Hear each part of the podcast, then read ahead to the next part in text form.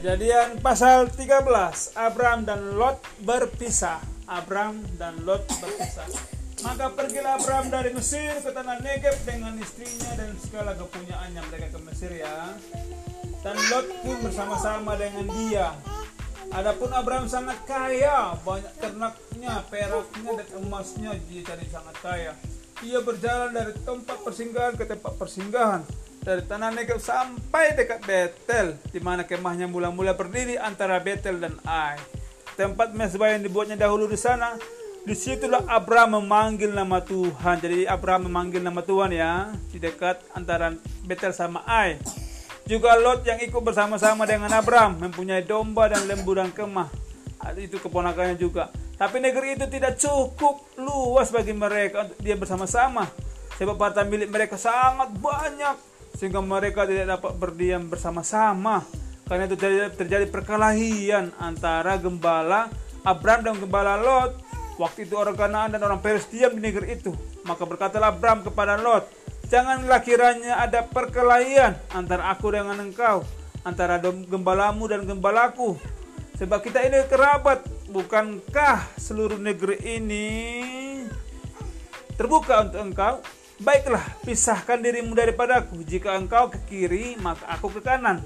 Jika engkau ke, ke kanan, aku ke kiri.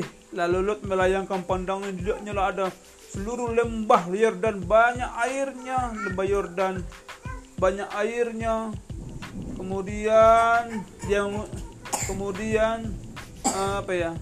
Kemudian lembahnya banyak seperti taman Tuhan, seperti tanah Mesir sampai ke Jawar. Hal itu terjadi sebelum sebelum Tuhan memusnahkan Sodom dan Gomora.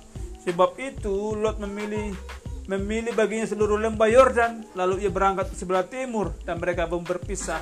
Abraham menetap di tanah Kanaan, tapi Lot diam tapi Lot menetap di kota lembah Yordan dan berkemah di dekat Sodom. Adapun orang Sodom itu sangat jahat dan berdosa terhadap Tuhan. Siapa yang sangat jahat, Jen? Orang Sodom. Ya, setelah Lot berpisah kepada Abraham, berfirman Tuhan kepada Abraham, Pandanglah sekeliling dan lihatlah dari tempat engkau berdiri ke timur, ke barat, utara, selatan.